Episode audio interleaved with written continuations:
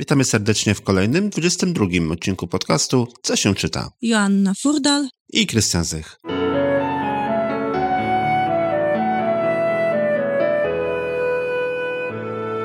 W poznańskim Centrum Kultury Zamek odbyła się bardzo ciekawa impreza. Była to Noc Tysiąca Jednej Baśni. Wydarzenie zorganizowane było przez grupę poznańskich bajarzy Baśnie Właśnie, a cały dochód z biletu, 100% kwoty, która została uzyskana z biletów, z wejściówek na to wydarzenie, została przekazana na szczytny cel. Nas oczywiście nie mogło tam zabraknąć. Byliśmy tam z trzech powodów. Po pierwsze, bo po prostu lubimy baśnie, lubimy posłuchać dobrych opowieści. Po drugie, bo Joanna opowiadała swoją baśń, a po trzecie, bo chcieliśmy dla Was nagrać kilka słów, nagrać kilka rozmów, porozmawiać z osobami, które odważyły się wyjść na scenę, niektóre z nich pierwszy raz w życiu, wyjść na scenę przed ponad 100 osób i opowiedzieć swoją baśń. Posłuchajcie, jak było. Skąd w ogóle pomysł na baśnie właśnie? Skąd się wzięła ta inicjatywa? I co to w ogóle jest? Martyna Rubinowska, baśnie właśnie. Ta inicjatywa wzięła się po prostu z chęci opowiadania i e, z tego, że spotkaliśmy się w kilka osób i zaczęliśmy opowiadać. I zaprosiliśmy ludzi, ludzi, żeby przyszli posłuchać, bo opowiadanie zakłada dwie strony: tego, który mówi, i tego, który słucha. I okazało się, że przyszło bardzo dużo ludzi. I opowiadaliśmy częściej, i przychodziło coraz częściej, coraz więcej osób. E, nie było nigdy takiego momentu, że ktokolwiek powiedział, załóżmy grupę, opowiadajmy baśnie. To jest raczej coś, co się wydarzyło. Czy taki totalny spontan? Tak, ale bardziej pewnie niż o takim przypadku chciałabym powiedzieć o czymś, co się nazywa serendipity, mhm. czyli o takim przypadku, ale który wynika z tego, co się robi. Czyli to nie jest taki przypadek, że nagle spada jakaś dachówka, tylko jak się jest i coś robi, to może wyjść coś e, z tego bardzo dobrego. I, i Wampek Król, i Bartek, i Julka, to są osoby, które są od samego początku z właśnie właśnie. I oczywiście, że skład się pozmieniał w międzyczasie i dużo rzeczy się powydarzało. I też e, my trochę dorośliśmy, bo było to już dawno, dawno temu, kiedy Właśnie, zaczynaliśmy. ile lat jesteście razem? Już trochę jest. No, prawie pięć. No to już kawałek czasu. To już kawałek czasu. I też byliśmy pewnie pierwsi w Poznaniu. Pewnie też o tyle jesteśmy grupą, że też opowiadamy razem, że nasze spotkania takie poza Nocą Tysiąca Jednej Baśni też są spotkaniami, na których nie opowiada jeden bajar z muzykiem, ale opowiadamy wszyscy, bo uważamy, że właśnie piękną rzeczą w, w baśniach i w opowiadaniu jest to, że można to robić wspólnie, że można to robić razem. Jest to okazja do spotkania. Mhm. I opowiadacie nie tylko tutaj w zamku, nie tylko przy okazji tego typu imprez jak dzisiejsza? Nie, nie tylko, chociaż dzisiaj właśnie dlatego, że gdzieś tam każdy z nas robi też zawodowe różne rzeczy, to jest coś, co staramy się, żeby trwało, też dlatego że mamy wrażenie, że to jest taka najbardziej wyrazista rzecz w tym, w takim udokumentowaniu tego, o co nam zawsze chodziło, czyli tego, że każdy może opowiadać, że każdy może spróbować swoich sił i być mhm. bajarką, bajarzem, opowiadaczką, opowiadaczem, że każdy może snuć te historie i że te historie mogą się przydać ku czemuś dobremu. No właśnie, opowiedz o takich imprezach jak dzisiejsza. Ile z tych osób, które dzisiaj występują, a jest to no, kilkanaście chyba osób, ile z tych osób to są osoby, które opowiadają bajki od dłuższego czasu, bajki, baśnie od dłuższego czasu, a ile osób jest zupełnie nowych, zupełnie świeżych? Na pewno kilka osób jest zupełnie świeżych. Po raz pierwszy opowiadał e, historię na Nocy Tysiąca Jednej Baśni teraz. Przed sekundką mogliśmy usłyszeć e, Bartka Bednarka. Będzie opowiadał też po raz pierwszy e, Karol Baranowski. Dagmara opowiadała po raz pierwszy. Karen opowiadała po raz pierwszy podczas nocy. Mhm. Więc dla bardzo dużej części osób to jest pierwszy raz w życiu. Pierwszy raz w życiu, kiedy mają okazję e, opowiedzieć. I to jest też tak, że czasami robią to po to, żeby na przykład zaimponować dziewczynie. I mamy taką osobę, osobę, która opowiedziała kiedyś baśń, żeby zaimponować pewnej dziewczynie. Mhm. A potem opowiedziała jej wiele historii, a teraz już opowiadają historię swojemu dziecku. I tak już zostało, tak? więc, e, więc to są jakieś takie e, piękne wartości dodane. Ale są też osoby, które opowiadają bardzo już teraz długo, ale tak naprawdę swoje pierwsze kroki stawiały i podczas Nocy Tysiąca Jednej Baśni, podczas też dużej e, serii inicjatyw, które właśnie w tamtych latach proponowaliśmy w Poznaniu. Rozmawialiśmy z kilkoma osobami i kilka osób właśnie przyznało, że najpierw przechodziły na tego typu wydarzenia, żeby po, żeby po prostu posłuchać baśni, a z czasem doszli do wniosku, że właściwie to czemu by nie opowiedzieć swojej własnej. No i trochę też o to chodzi. Na, naprawdę ideą Nocy Tysiąca Jednej Baśni jest to, żeby zachęcać wszystkich do opowiadania. I to nie tylko dlatego, że baśnie są wyjątkowe, ale też Dlatego, że ważne jest to, żeby być razem i opowiadać, że umiejętności, które są potrzebne do opowiedzenia baśni, są też umiejętnościami, które dzisiaj są potrzebne na rynku pracy, że to są umiejętności autoprezentacji, o które tak wszyscy głośno biją. Więc to jest tak, że paradoksalnie, ucząc się opowiadać baśni, możemy się nauczyć wielu, wielu rzeczy, które mhm. w tym twardym świecie też są niezwykle potrzebne. Mogą nam się przydać codziennie.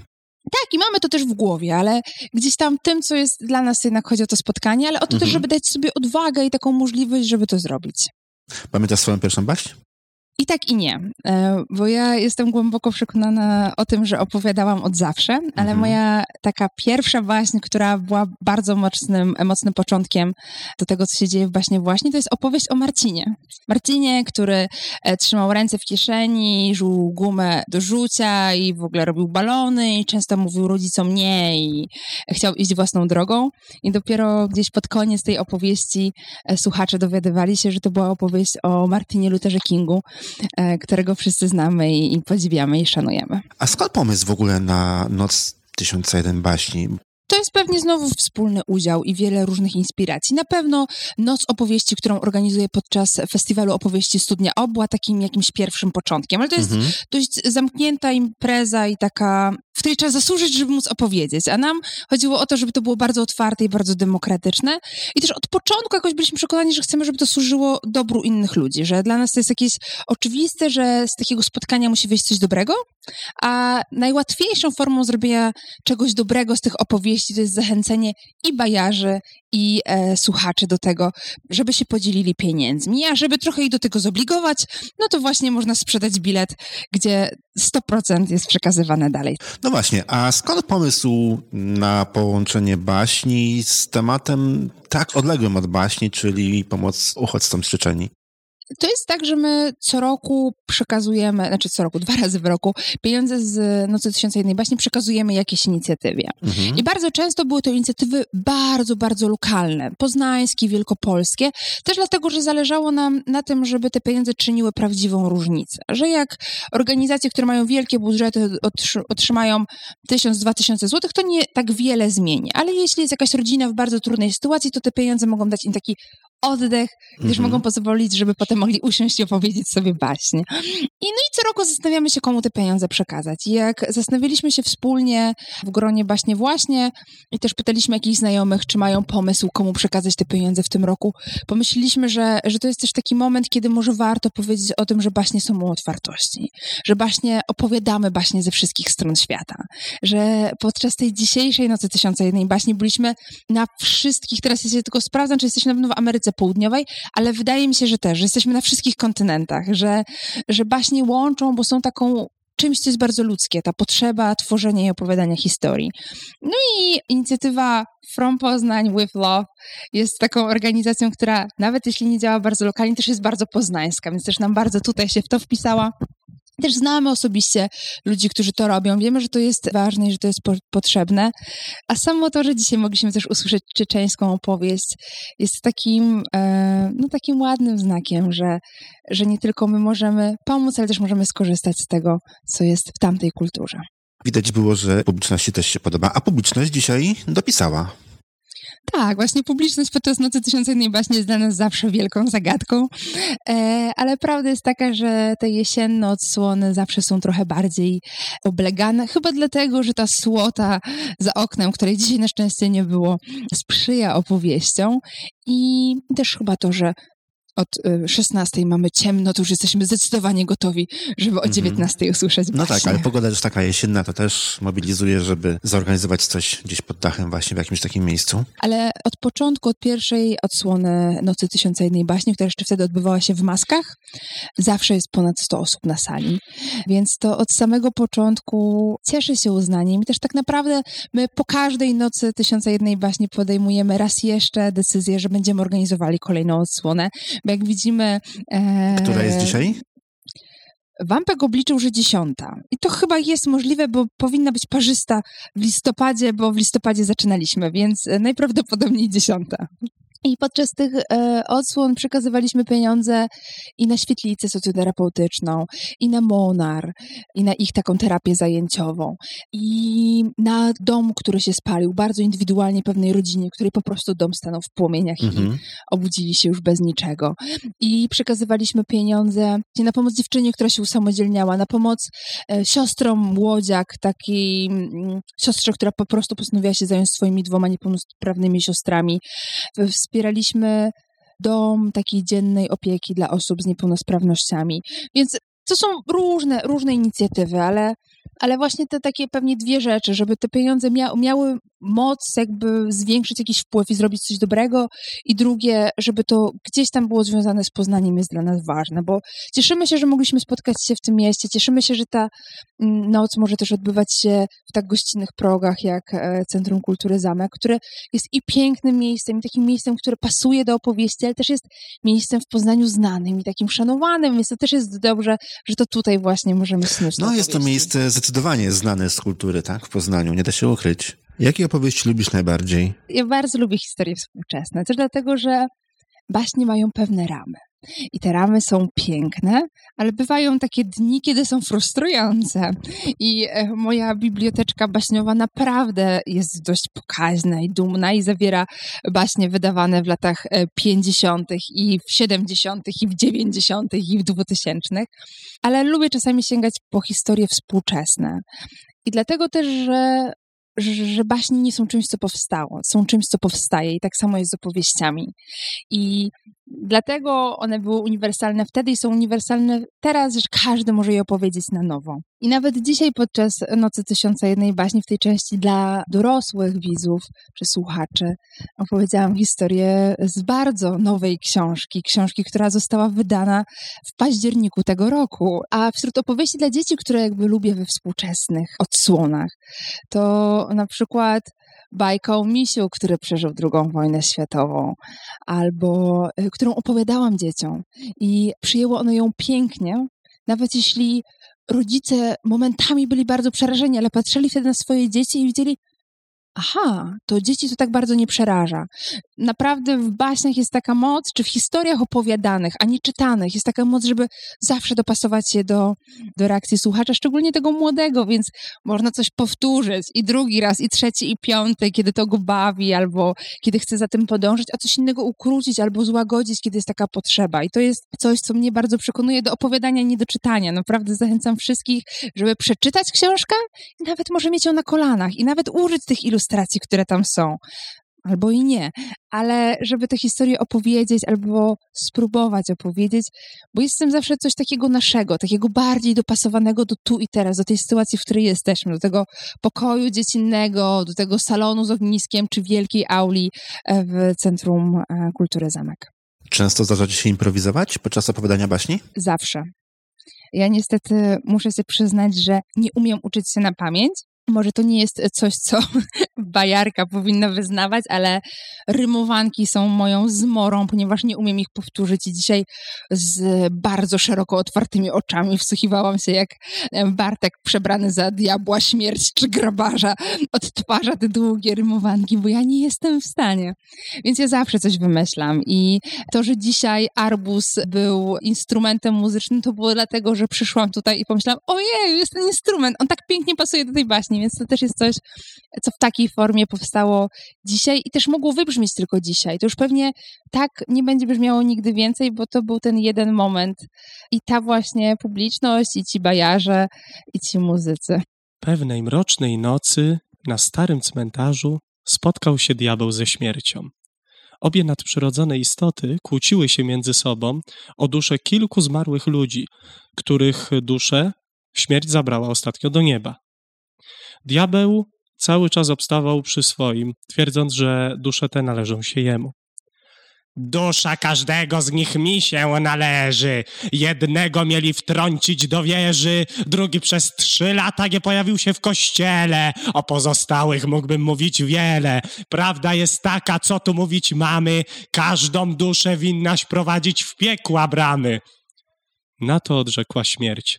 Waść mi w kompetencje wchodzi, oni nie twoi, dobrzy, młodzi. I tak sobie myślę, że muszę sama zacząć kolekcjonować dusze. Więcej mi już do śmiechu nie trzeba. Ktoś tu za często chodził do nieba. To ci tak bardzo namieszało w głowie, skoro chcesz mieć wpływy w zaświatu w połowie. Dać ty umiesz tylko z kosą w ręku chodzić, nie wiedziałabyś, co z duszami robić. Ktoś tu zdecydowanie mnie nie docenia, sądząc, że nie potrafię zagospodarować piekielnego mienia. Jednak nie obawiaj się o swe stanowisko, nie dla mnie twej krainy pogorzelisko. To by się z moimi planami zupełnie nie zbiegło. Ja planuję założyć swoje własne piekło. I dopiero w tym momencie diabeł zdał sobie sprawę z tego, jaki to zamysł zrodził się w głowie śmierci. Kłótnia więc rozgorzała na dobre. Diabeł zarzucał śmierci nieporadność, ta zaś nazywała go megalomanem.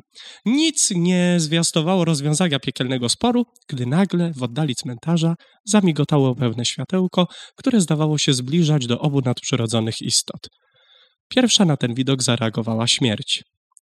Oto jakiś człowiek po cmentarzu błądzi, Wykorzystajmy osobę jego jako niezawisłego sędziego. Niech on sprawę naszą rozsądzi. Po tych słowach śmierć schowała się za nagrobkiem, a diabeł wskoczył na drzewo. Skąd zainteresowanie Czeczenią? Dagmar Alice from Poznań with Love. Moje zainteresowanie Czeczenią wynika z tego, że działam w oddolnej inicjatywie, która działa w Poznaniu od zeszłego roku. Inicjatywa nazywa się From Poznań with Love. Jest to kilka y, osób, kilkanaście, które działają na rzecz pomocy w różnych sytuacjach, ale głównie chodzi nam o to, żeby pomagać uchodźcom, którzy potrzebują pomocy w różnych miejscach e, w związku z obecnym kryzysem migracyjnym. No i stało się tak, że kilku naszych znajomych jest na granicy w Brześciu, na dworcu w Brześciu, pomaga tam właśnie Czeczenom, którzy uciekają przed prześladowaniami i próbują, ponieważ nie są bezpieczni na terenie Rosji ani Białorusi, próbują się dostać do Polski, dokąd polscy pogranicznicy nie chcą ich wpuścić. I chcieliśmy im po prostu pomóc. Martyna z baśnie właśnie dowiedziała się o tym i postanowiła, żeby ta edycja Nocy Tysiąca i Jednej Baśni została przeznaczona także na pomoc właśnie tym no osobom. No właśnie o to chciałem spytać, skąd takie nagłe powiązanie teraz tej um, akcji pomocy Czeczenom z baśniami, bo jednak tematy no całkowicie inne, całkowicie odmienne. Tak, tematy całkowicie inne, całkowicie odmienne, ale rzeczywiście rozmawiałyśmy z Martyną na ten temat, że jest potrzeba po prostu pomocy mhm. tam. Trzy tygodnie temu wraz z inicjatywą From Poznań with Love organizowałyśmy polsko-czeczeńską wyprzedaż garażową. Właśnie mhm. tutaj w Centrum Kultury Zamek. Przyszli ludzie, którzy mogli posprzedawać trochę swoich starych gratów i przyszli ludzie, którzy mają chętkę na czyjeś stare graty, płyty, książki, ubrania, ale też wsparły nas różne organizacje organizacje, Teatr Polski, między innymi Czas Kultury, przynieśli na przykład wyjściówki na przedstawienia, o. scena robocza. Także rzeczywiście kilka fajnych inicjatyw udało się podczas tej garażówki uskutecznić mhm. i zebrać trochę pieniędzy na ten właśnie cel. Podobna garażówka odbyła się w czerwcu podczas festiwalu Malta. Wtedy zbieraliśmy na pomoc międzynarodową. E, głównie to było przeznaczone na uchodźców syryjskich przy granicy w Grecji. No i właśnie, no i teraz taka inicjatywa, żeby, żeby pomóc właśnie w tym Brześciu, tym bardziej, że zbliża się zima, ci ludzie koczują na dworcu, po prostu na, na peronach próbują wielokrotnie, czasem kilkadziesiąt razy przejść przez granicę polsko-białoruską, im się to nie udaje.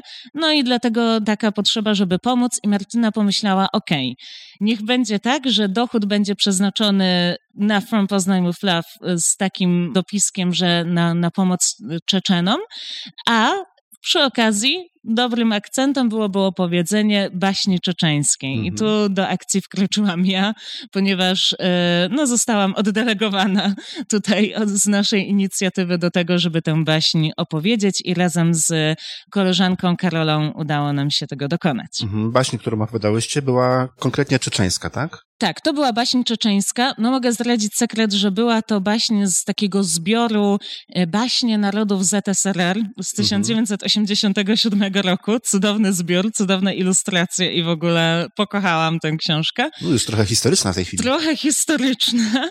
Jedna z baśni jest określona jako baśń czeczeńska. Zauwa zaufałyśmy autorom tego zbioru i postanowiliśmy tę baśń właśnie opowiedzieć.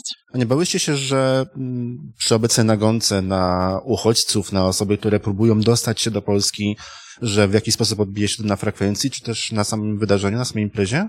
No zawsze jest takie ryzyko i powiem, że nasza inicjatywa działa od roku. Na początku, dokładnie rok temu robiliśmy zbiórkę na Polak Potrafi, ponieważ dziewczyny od nas jechały na wolontariat do obozu dla uchodźców w Grecji i chciały mhm. zbierać pieniądze, żeby tam na miejscu kupić jedzenie i wszystkie potrzebne, no różne potrzebne produkty właśnie dla ludzi, którzy są zamknięci w obozie pod Tesalonikami, w Neakawala. I rzeczywiście wtedy spotkałyśmy się z olbrzymim olbrzymim oporem, ponieważ zbiórka była dosyć nagłośniona i w niektórych mediach pojawiały się właśnie komentarze pod artykułami, że, że po co pomagać i tak dalej, że mamy tutaj dosyć swojej biedy. No zawsze jest takie ryzyko, ale mhm. w Poznaniu jestem poznanianką i tylko tutaj mam takie doświadczenie. Jest również mnóstwo wspaniałych ludzi, którzy no, widzę, że frekwencja dzisiaj dopisała. Powiedz jeszcze krótko najbliższe wydarzenia organizowane przez Poznań Reflew? No, będzie kolejna garażówka. Chcemy kolejną wyprzedaż garażową zorganizować przed świętami. To będzie taki kiermasz świąteczny. Liczymy na to, że ludzie rzeczywiście po pierwsze, może trochę będą się chcieli pozbyć starych rzeczy przed Kiermasze świętami. świąteczne często cieszą się dużym tak, powodzeniem. a po drugie, może będą chcieli coś kupić. Y, też zawsze zapraszamy do wyprzedaży garażowej artystów, właśnie różne instytucje, czyli to przedmioty mogą być fajnymi prezentami, na to mhm. liczymy. Nie mam jeszcze więcej szczegółów co do miejsca konkretnego, ale na pewno jakoś tam e, będziemy to nagłaśniać w mediach i też mam nadzieję, że podam tę informację właśnie właśnie i jakoś tam się e, skomunikujemy. Cel będzie podobny jak rok temu, ten, o którym opowiedziałam, czyli obóz dla uchodźców. Tym razem na wyspę Lesbos jedzie jeden z naszych kolegów z Poznania i on będzie mógł wziąć te pieniądze osobiście, bez żadnych pośredników, pójść tam na, miejsc na miejsce, kupić tam właśnie produkty, bo, bo tam też jakby, no Grecji jest ciężko, a, a to, co się dzieje w związku z kryzysem migracyjnym im nie pomaga i to, że kupujemy tam na miejscu produkty i wspieramy tę ich gospodarkę jest, jest jeszcze dodatkowym... faktycznie wsparcie jeszcze ich rynku tak, tego wszystkiego. Tak, mhm. tak, tak, wsparcie ich rynku, czyli no właśnie, na ten, na ten cel będzie przeznaczony mhm. dochód z kolejnej garażówki.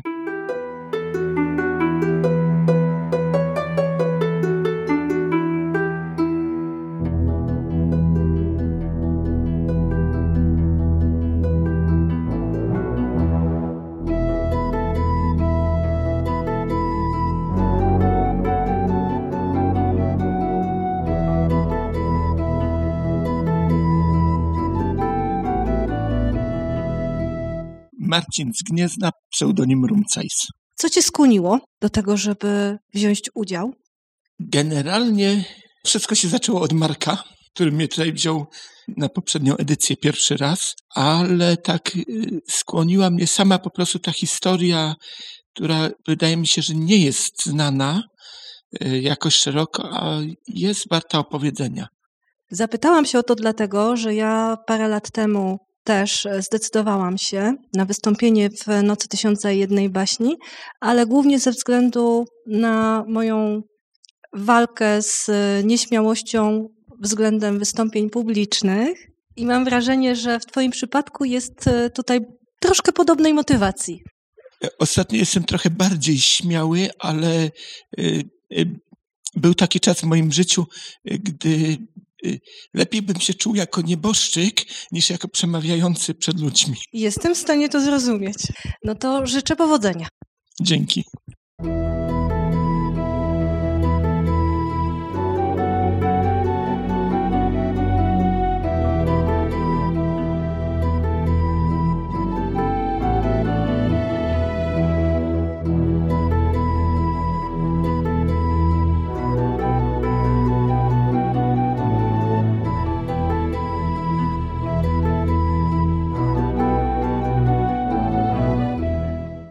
Marek Cybułka. Który raz opowiadasz na nocy Tysiąca Jednej Baśni?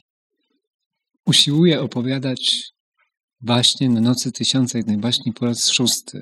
Jest to dla mnie wielka radość. Cieszę się, że mogę tutaj opowiadać i że zarażam tym bakcylem kolejne osoby. Powiedz proszę, skąd baśnie? Dlaczego akurat baśnie? No tutaj muszę skończyć kolejnego naszego wspólnego znajomego, czyli Łukasza Bernadego, który jest moim przyjacielem, jednym z najbliższych, e, pochodzącym z Szamotu i no, na pewnym etapie naszych przyjaźni pojawił się temat baśni. Łukasz pierwszy dotarł do środowiska bajarzy, zaczął być zapraszany, zaczął pisać, w ogóle szukać baśni. Wydał przede wszystkim cudowną, moim zdaniem, książkę pod tytułem Baśni, legendy i podania regionu szamotulskiego. E, więc Łukasz jakby no, wprowadził mnie i zafascynował tymi baśniowymi poszukiwaniami i pasjami. Natomiast e, Łukasza podziwiałem w tej roli zawsze i nigdy nie przyszłoby mi do głowy wcześniej, że, że kiedyś e, będę z nim mógł występować w jednej grupie. Założyliśmy z Łukaszem, tak jak wspominałem kiedyś tobie też, szamotuską grupę Bajarzy Wędrujemy, nawiązując do historii naszego miasta, które też gdzieś ponoć tam wędruje przez czas i przestrzeń. No i od czasu do czasu spotykamy się w różnych miejscach i okolicznościach i wtedy opowiadamy właśnie. Mówiłeś też o swoich planach festiwalowych. Mhm. Mówiłeś o tym, że chciałbyś kiedyś zorganizować festiwal w Gnieźnie. Jakie są możliwości, jakie są tutaj To prawda, realia? to prawda. Em, Marzenia, realia wiążą się z Largo, które miałoby pomóc nam od strony organizacyjnej, korzystając z możliwości zaplecza.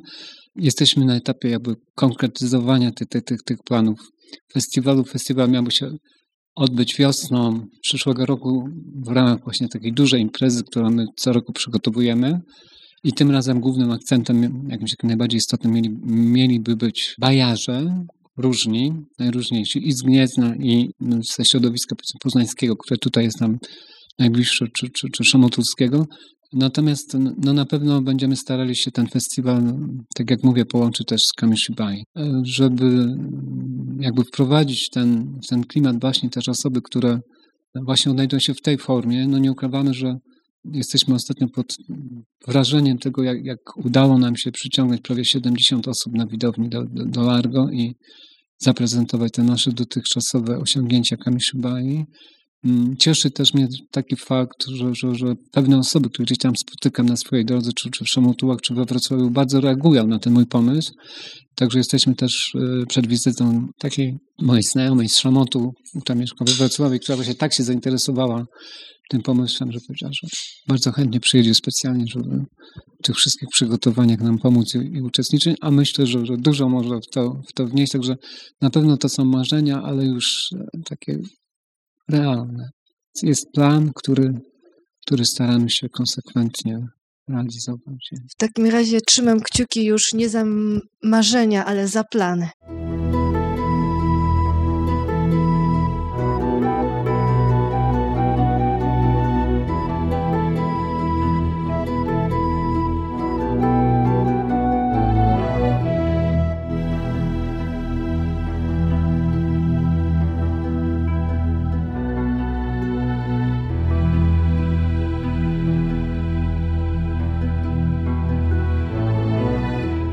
Wampy Król, Bajarz z grupy Baśnie właśnie. Dzisiaj trzy baśnie. E, Dzisiaj trzy baśnie, tak. I ostatnio tak przeważnie po trzy baśnie, bo jesteśmy przyzwyczajeni do długiego programu i najprostszą rzeczą, którą mogliśmy zrobić, to jest po prostu powiedzieć więcej baśni, więc czemu nie? A skąd wybór? Dlaczego akurat takie baśnie dzisiaj się pojawiły, a nie inne?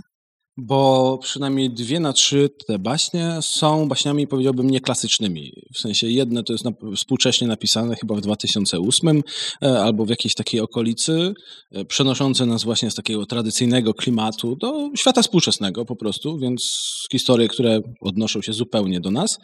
E, Drugie to była mitologia nordycka, ale też opowiedziana na nowo, też niedawno przepisana, żeby po pierwsze no, była spójna i żeby była dla nas interesująca.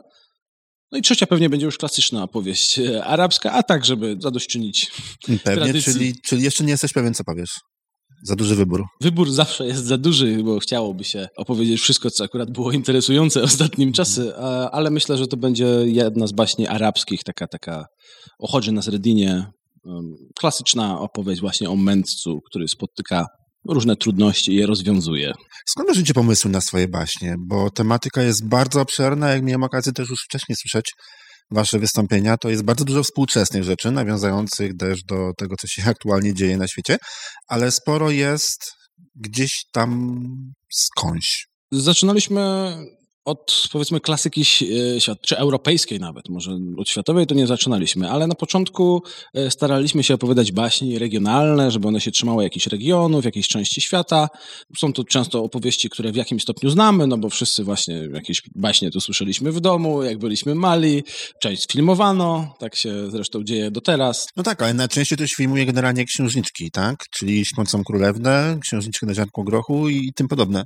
Niby tak, ale mam wrażenie, że też przynajmniej ja staram się iść w tą stronę, co się dzieje na przykład y, z Disneyem, Pixarem, no bo w tym momencie to jest chyba już jedno studio, czyli o pewnym łamaniu takiego klasycznego schematu. No o, właśnie, o księżniczce. No to jest Frozen, e, po polsku Lodowa kraina chyba? Lodo, chyba Lodowa chyba kraina, tak? no właśnie, mhm. obejrzałem w oryginale, dlatego nie jestem pewien.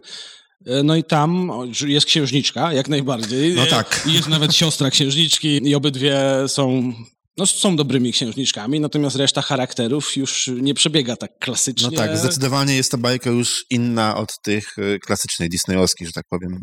Tak, takich tradycyjnych, że to właśnie jest piękna księżniczka, ten piękny książę musi uratować piękną tak, tak księżniczkę tak, tak, przed całym dokładnie. złem tego świata, a tu po pierwsze księżniczka nie chce. I, znaczy, ja to uważam za piękne, że zadawanie sobie takich pytań, że no okej, okay, jesteś księżniczką, czyli na pewno chcesz pięknego księcia, pięknego zamku, tłumu ludzi, którzy cię obsługuje i tak chcesz żyć. A to nam pozwala właśnie zadawać takie podstawowe pytania. Ale dlaczego? A czego? A czego chcesz? A po co? No, my rzadko się zastanawiamy.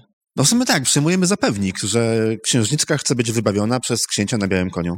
Tak jest, a jak jeszcze smoka po drodze zetnie, no to już, o, to już w, ogóle, ogóle fantastycznie, ideał. tak. To, e, więc ja się bardzo cieszę, co się stało, myślę tak od Shreka. To był taki ten pierwszy przełom, że to e, urok został odczyniony i księżniczka przestała się zmieniać w ogrzyce, bo po prostu okazało się, że jest ogrzycą. Tak, Shrek był chyba pierwszą taką bajką, gdzie to nie w księżniczkę się zmieniano, czy też w księcia, tylko właśnie księżniczka się zmieniła. I to do, do, do tego wszystkiego w coś brzydkiego albo przy brzydkiego dla nas, brzydkiego, no, brzydkiego... Na, pier, na, pierwszy rzut, dla, dla takiego, no to, właśnie, z takiego punktu widzenia... Brzydkiego w takim rozumieniu bajkowym, tak? Tak, tak. Księżyczkowym. Ale nawet takim codziennym, no w sensie zmieniła się większą kobietę z takich standardów pie klasycznych piękna, e, zmieniła się, no... Kształty bardziej rubensowe? Kształty dokładnie, u Rubensa to pewnie jak najbardziej, ale współcześnie, no to modelką by nie została, a tam... No nie a tam stała się główną bohaterką, miłością e, życia kolejnego bohatera, który też e, ze swoimi perepetiami życiowymi, takimi codziennymi musiał się też mierzyć. I, i to jest piękne, że przestajemy opowiadać takie, znaczy wzniosłe i piękne historie są miłe i czasami dobrze ich posłuchać. No ale myślę, że bliżej nas są takie rzeczy nie zawsze tak strasznie wyniosłe, tak strasznie proste, takie e, mówiące o bajkowym, baśniowym świecie, do którego nie mamy dostępu. Przynajmniej większość z nas raczej do rodziny królewskiej. Znaczy, są pewne możliwości. Oczywiście, jest w końcu król dalej w Hiszpanii, królowa no angielska. No tak, no jest, no najbliżej to mamy w Danii, tak? No ale mimo wszystko no, tych rodów królewskich faktycznie w Europie za dużo już nie ma i dostęp do nich jest, no, ograniczony. I podejrzewam, że to życie nie jest takie bajkowe w momencie, kiedy rodzimy się w tym rodzie tak, jakbyśmy chcieli. No właśnie, i teraz pytanie, czy jest bajkowy, czy nie, no tego nie jesteśmy w stanie sprawdzić, ponieważ dostęp do nich jest utrudniony, tak? I, i tego to tak naprawdę nie wiemy. Ale faktycznie, faktycznie zadajecie pytania, które no pewnie wiele osób nawet nie, mog- nie wpadnie na pomysł, że mogłoby zadać. Właśnie typu, czy ta księżniczka naprawdę chce być wybawiona przez księcia na białym koniu. A skąd bierzecie baśnie, skąd pomysły na baśnie, które nie są przez was wymyślane, tylko baśnie, które y, gdzieś tam funkcjonowały? Gdzie takie baśnie odnajdujecie? Skąd w ogóle czerpiecie inspirację? Odpowiedź pewnie będzie prozaicznie prosta. No przede wszystkim dużo czytamy. To jest, jak dobry research jest podstawą no, większości też działalności artystycznej, e, ale też słuchamy siebie nawzajem, e, śledzimy zdarzenia, wydarzenia. Zresztą są też festiwale opowiadaczy. W Polsce może nie tak strasznie popularne, ale na świecie one cieszą się też jakimś poziomem popularności. Wiadomo, że to nie będzie coś, co przebije się do telewizji i nie spodziewam się, żeby MTV kiedyś e, pokazało nawet urywki z, z jakiegoś zlotu bajarzy. To byłoby ale... ciekawe. No może, e, skoro już nie puszcza muzyki, to może równie dobrze okaże się, że kiedyś... Pewnego nie... dnia, pewnego dnia, coś tego typu będzie dawno, dawno temu, tak? Byli tacy bajarze. Przyszłość jest otwarta, więc e, w tym względzie staram się też być optymistą i pierwsza baś, jak powiedziałem o pytaniach, no była dla mnie o tyle ważna, że ona, no bo baśnie są z założenia moralizatorskie.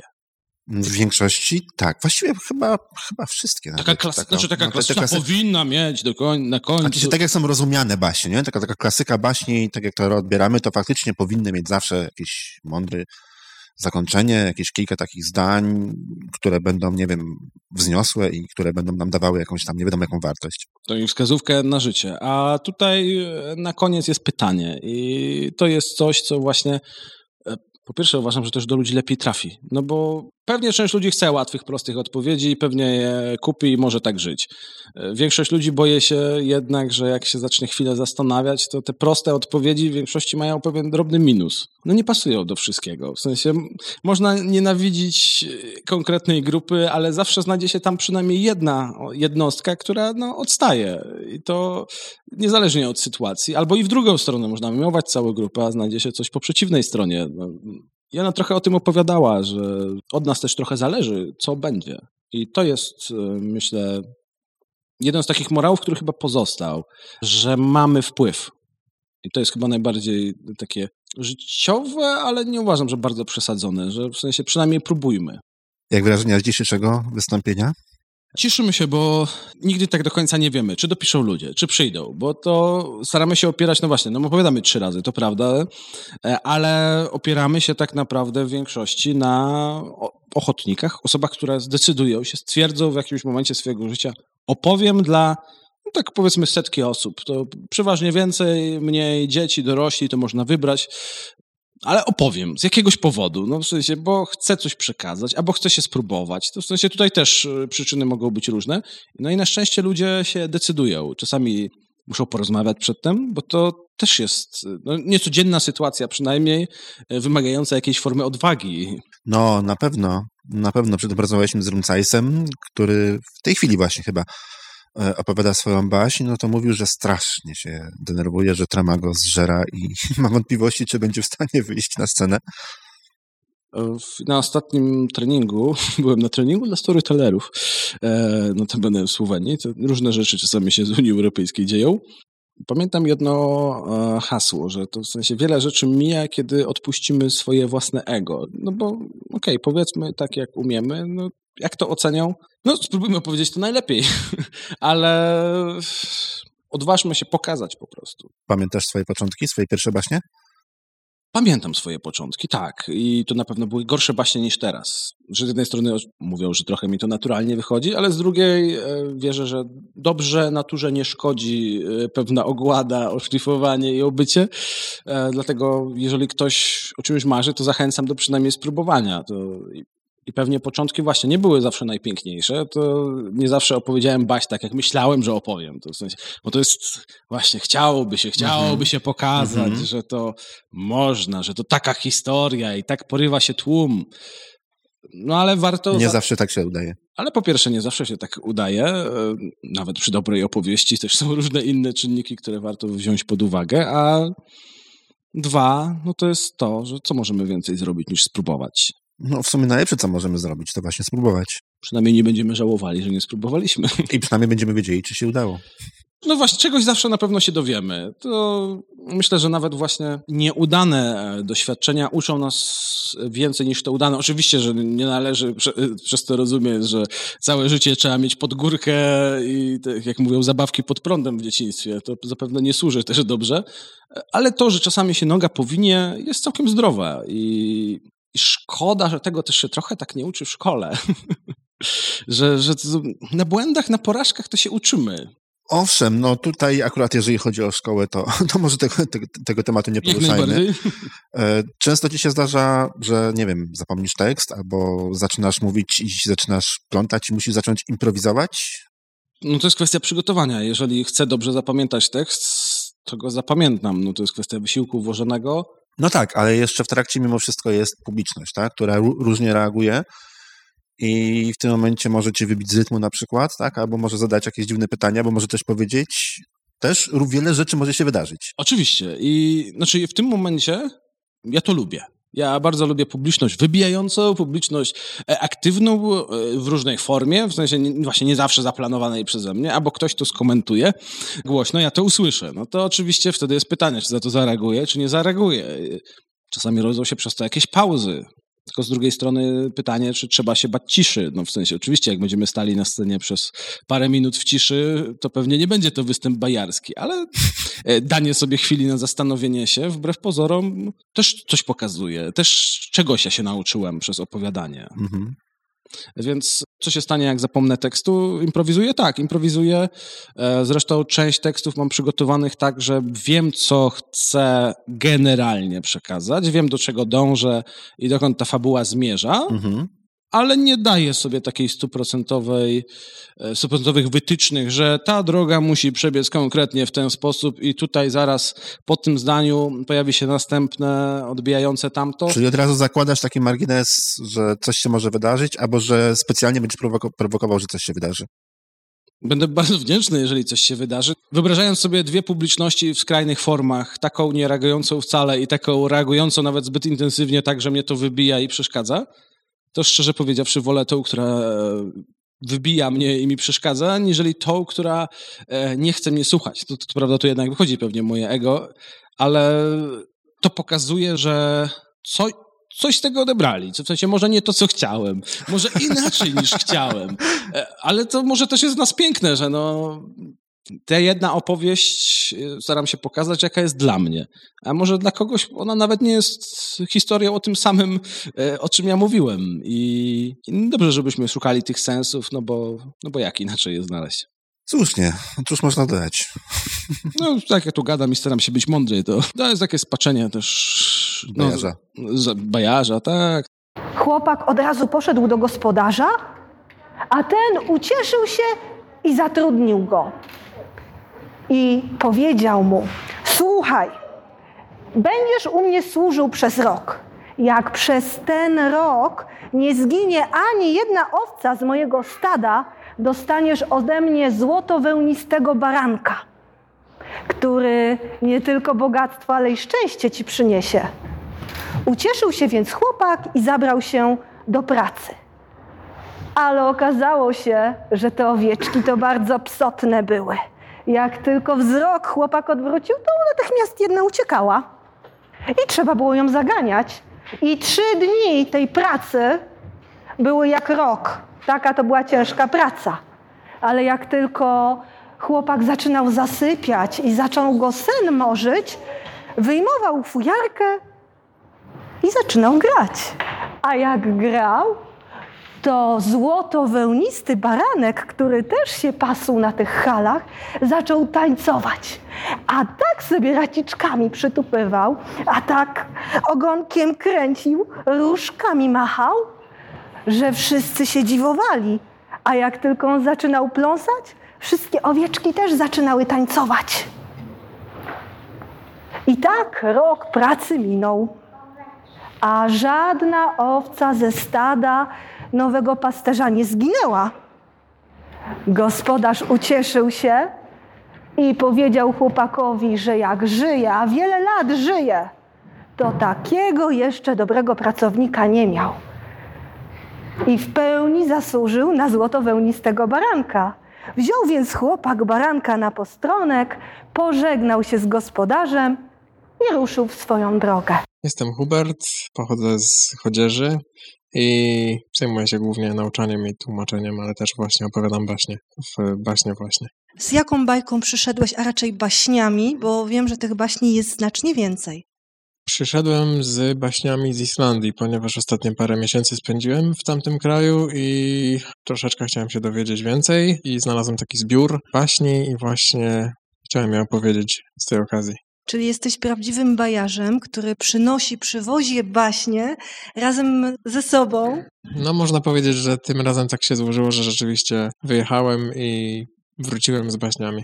Czyli baśnie są czymś, co ci zawsze towarzyszy, niezależnie od tego, w jakim celu, gdzie jedziesz, zawsze może znaleźć się jakaś historia, którą warto opowiedzieć. Tak, to wcale nie musi być e, pod nazwą baśnie, bo mieliśmy też takie inicjatywy, że opowiadaliśmy na przykład opowiadania Lema, opowiadałem czasami jakieś opowiadania mm, fantastyczne, mm, Także zawsze wszystko się da zaadaptować w taki sposób. Edgara Kereta też opowiadałem. Także można zaadaptować to w taki sposób, żeby, żeby to brzmiało i wyglądało jak baśnie. Właśnie dobrze, że o tym mówisz, dlatego że chciałam cię, Ciebie zapytać, czy może dzisiaj też opowiadasz coś z książek, czy typowo właśnie to są zbiory baśni? To nie są, rozumiem, opowiadania ani historie zaadaptowane, tylko baśnie. Nie, to są typowo baśnie e, ze zbioru baśni islandzkich. A najciekawsza historia, jaką opowiadałeś? Kiedykolwiek? Kiedykolwiek. E, no ja mam słabość do historii fantastycznych, e, science fiction, więc powiedziałbym, że najciekawszą historią, którą kiedykolwiek opowiadałem, to była adaptacja właśnie opowiadania Co z nami będzie Teda Chianga. Chyba ją pamiętam, możliwe? Tak, ale mm, myślę, że to, to, jest, znaczy to jest jednorazowy strzał, bo jeżeli już się raz y, usłyszało tą historię, y, to trochę tak jak z szóstym zmysłem, tym filmem, już że już nie zaskakuje i jakby to zakończenie jest takim największym wartością tego opowiadania. Dobrze, że o tym mówisz, bo może niewiele osób sobie zdaje z tego sprawę, że na Nocy Tysiąca Jednej Baśni można posłuchać nie tylko baśni i bajek, ale też po prostu literackich opowieści przygotowanych e, w ten sposób, że będą chwytały cię bardziej za serce i będą czymś zupełnie innym niż powiedzmy audiobook i inaczej będą odbierane niż będzie się je czytać. Tak. Co byś chciał powiedzieć odnośnie książek dla młodzieży, książek dla dzieci? No ja mogę tylko powiedzieć, że bardzo się cieszę, że, że takie wydarzenia istnieją i że przyciągają ludzi. I to też jest ważne dla mnie, bo jestem z natury trochę pesymistą i zawsze mi się wydaje, że nie ma miejsca na takie inicjatywy, a jak przychodzę i widzę, że jednak jest trochę tych ludzi i nawet jest dużo dzieci i, one się dobrze bawią, no to, to trochę podnosi na duchu. W ogóle chodzi o historię. Znaczy, podoba mi się to, że, że, opowiada, że opowiadanie historii jakby ciągle jeszcze znajduje odbiorców. A co cię skłoniło do opowiadania? Trochę przypadek, ponieważ e, moja dziewczyna zaczynała w tej grupie jako muzyk. No i po jakimś czasie, dosyć dłuższym, stwierdziłem, że spróbuję. No i tak to się zaczęło. A jakie są Twoje najbliższe plany, jeżeli chodzi o opowieści? Dla mnie to jest bardziej hobby. Nie traktuję tego jako, nie wiem, jakoś za, aż za bardzo poważnie. Także moje plany, jeżeli chodzi o opowieści, są takie, żeby po prostu kontynuować w miarę możliwości to przedsięwzięcie, które mamy. No i to wszystko.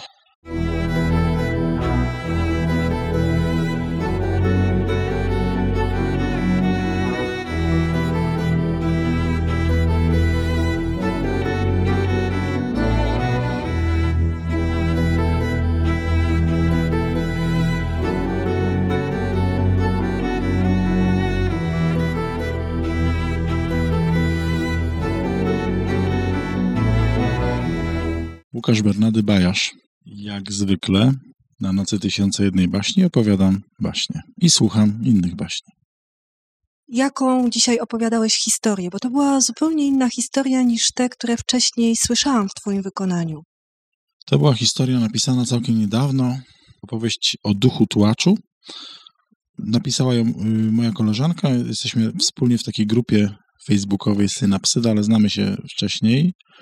Dotąd się nie widzieliśmy nigdy na oczy własne. Ta baść niedawno napisana bardzo mi się spodobała.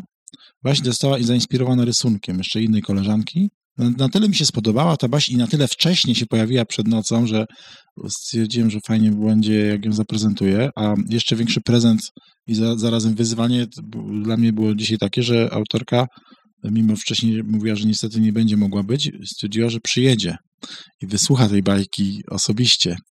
E, no i to był taki trochę dla mnie pewnego rodzaju stres, bo nie wiedziałem, jak przyjmie tą moją wersję trochę jednak mówioną, ale była zadowolona z tego, jak ja to, co ja zrobiłem z tą historią.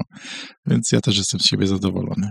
Dokładnie, bo przecież Bajasz też jest w tym momencie częścią tej historii i dzięki temu ta historia też się w jakiś sposób zmienia, ewoluuje i to, co my czujemy i myślimy, sprawia, że ta historia może być inaczej odebrana.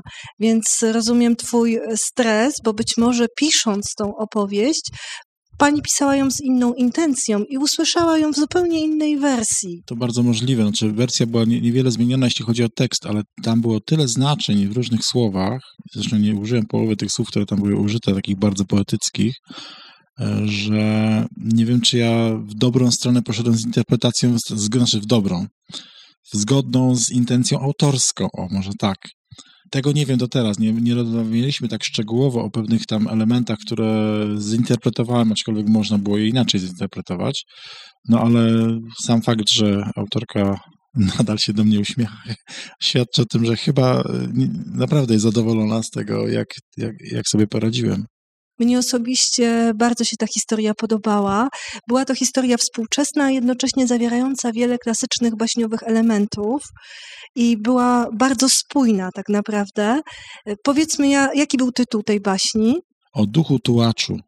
Agnieszka Tymoszczuk to jest poetka, to jest autorka tekstów, to jest, mogę tak chyba powiedzieć, nie obrazi się, ale naprawdę uważam ją za wielką intelektualistkę, osobę o niezwykłym nasłuchiwaniu słów. Ona po prostu każde słowo potrafi rozmienić na kilka innych, które z, nie, z niego wynikają i bardzo jest czuła na to, jakich słów się używa w języku, i z tego wiele fajnych, ciekawych rzeczy na, tym, na tej naszej synapsydzie wynika. No, mnie zachwyciła Agnieszka, jak ją spotkałem pierwszy raz, tym, że spotkałem ją oczywiście w internecie, na jakimś forum poetyckim, ona zamieściła tam taki poradnik, jak nie pisać wierszy. Więc to było tak dowcipnie napisane i z taką znajomością rzeczy i, i, i z um, oczytaniem w tych poezjach współczesnych autorów, którzy publikują w internecie, że naprawdę była to skarbnica wiadomości dla młodych poetów, czego nie należy robić, żeby nie popaść w kicz, nie, nie pójść za jakimś łatwym rozwiązaniem, które się wydaje piękne, ale jest kiczowate. To naprawdę było coś pięknego i poprosiłem Agnieszkę, żeby jeśli może wydała to, ale forma internetowa ma to do siebie, że to by trzeba zupełnie inaczej napisać, więc pewnie na, na razie tego jeszcze tej, tej pozycji nie ma, ale to no, wielki, wielki szacunek wzbudziła w tym tekstem i od, od tej chwili po prostu tak ją podobserwowuję.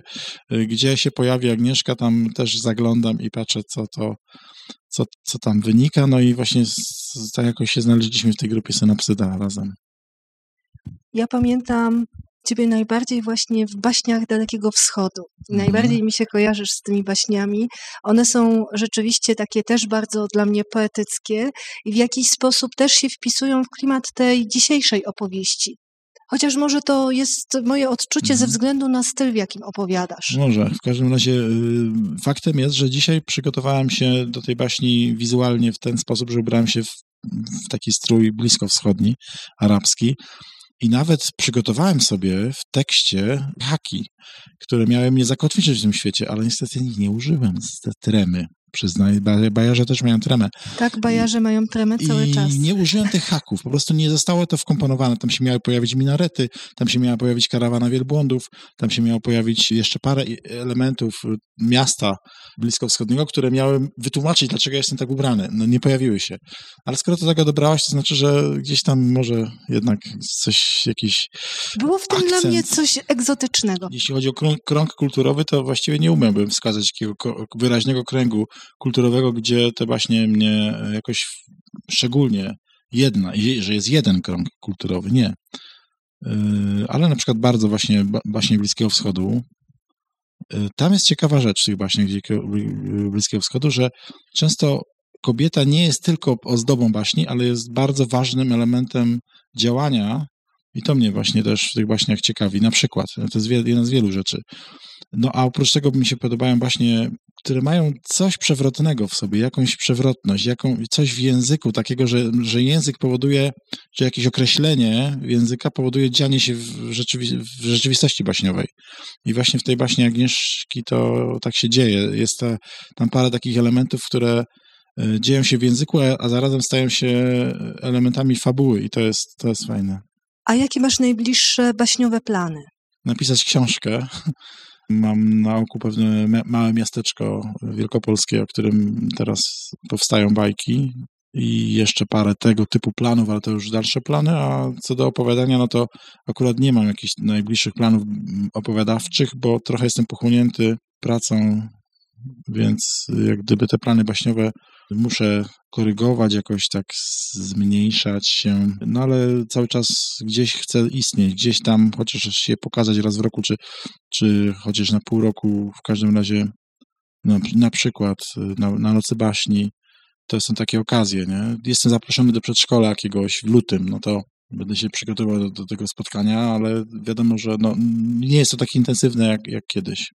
Czyli na razie praca, praca pisarska, literacka, a baśnie z boku, ale Przy zawsze okazji, z tobą. Tak, tak, zawsze ze mną, bo mam zbiór potężny już tych historii i pewnie gdybym zaczął je tak kartkować, jak dzisiaj było to powiedziane na po, po pierwszej historii y, o tym, że Bajasz właściwie powinien zacząć opowiadać, a nie kartkować, bo gdybym zaczął kartkować moje historie, to pewnie bym rzeczywiście y, zakończył swój żywot kartkują. My kiedyś zresztą o tym rozmawialiśmy. Pamiętasz, jak przeprowadzałam z tobą wywiad do pracy?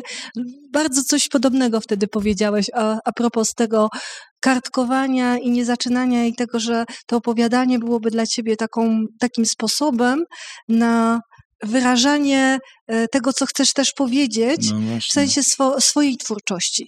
No tak, tak, bo to czasami jest potrzebny sprawdzian jak się coś napisze, trzeba to sprawdzić, jak to wygląda w opowiadaniu i się często okazuje, że zdania trzeba skrócić albo cały wątek wyrzucić, bo w opowiadaniu po prostu to nie gra.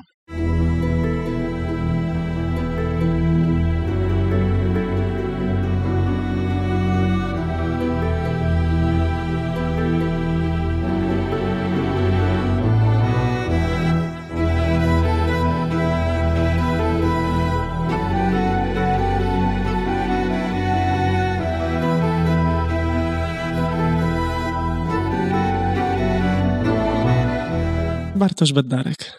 Opowiadasz baśnie? Skąd pomysł na opowiadanie baśni? Tak naprawdę znam się z Martyną Rubinowską. Kilka lat temu mieliśmy przyjemność się poznać i ona zaprosiła mnie na Facebooku i no, z miłą chęcią przyjąłem zaproszenie. Czy opowiadasz wyłącznie w ramach Nocy Tysiąca Jednej Baśni? Czy może też masz okazję do opowiadania bajek, baśni, legend w jakichś innych okolicznościach? Okazje takie zdarzają się rzadko, ale jeżeli już e, jakaś się trafi, to wtedy ochoczo ją wykorzystuję. Jakie baśnie najbardziej lubisz? Które do ciebie najbardziej przemawiają? Prawdę powiedziawszy, przede wszystkim takie, z których wynikają jakieś ciekawe morały, ale koniecznie takie, z którymi ja się identyfikuję. I prawdę powiedziawszy, lubię, jak są takie, powiedziałbym, typowe, takie dziejące się w jakichś czasach średniowiecznych, gdzie są jakieś albo nadprzyrodzone istoty, albo księżniczki, tak. Mam taki, powiedzmy, klasyczny gust. Tradycyjny, ja też. Dlaczego akurat dzisiaj o grabarzu, śmierci i o diable? Prawdę powiedziawszy, ta baś wydaje mi się po prostu dość e, zabawna. No, kwestia takich planów, jakie właśnie snuje śmierć, jest dość specyficzna.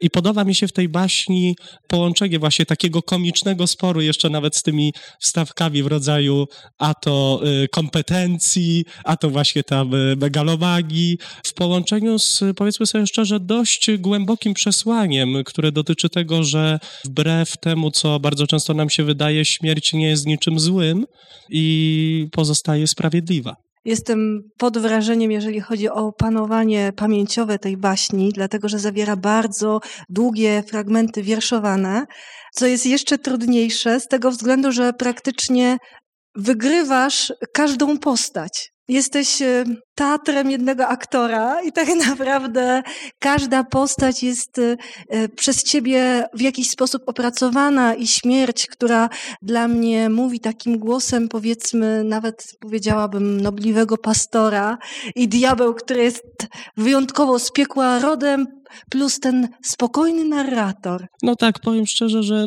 staram się zawsze y, oddać jakiś odpowiedni głos do, do postaci. Zazwyczaj pojawia się problem, jeżeli w jakiejś baśni są księżniczki, ponieważ trudno jest przeskoczyć ton głosu. Nigdy nie miałam z tym problemu. Nie dziwię się. Aczkolwiek cały czas twierdzę, że uwielbiam udawać diabły. Tak, to, to tak. sprawia bardzo dużo przyjemności, tak, mogę powiedzieć z doświadczenia. Tak. tak, zdecydowanie. Dlatego też sama uwielbiam diabelskie historie i bardzo mi się Twoja opowieść podobała i cieszę się, że usłyszałam jej początek, bo nie zdążyłam niestety na początek Twojej baśni.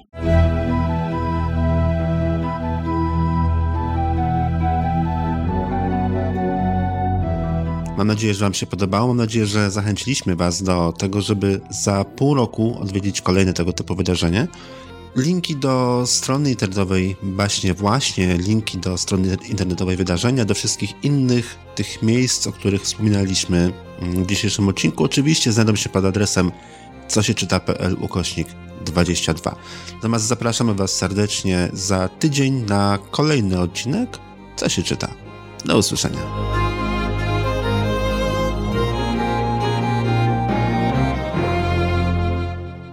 Wszyscy żyją pewnie w szczęściu po dziś dzień, o ile nie pomarli.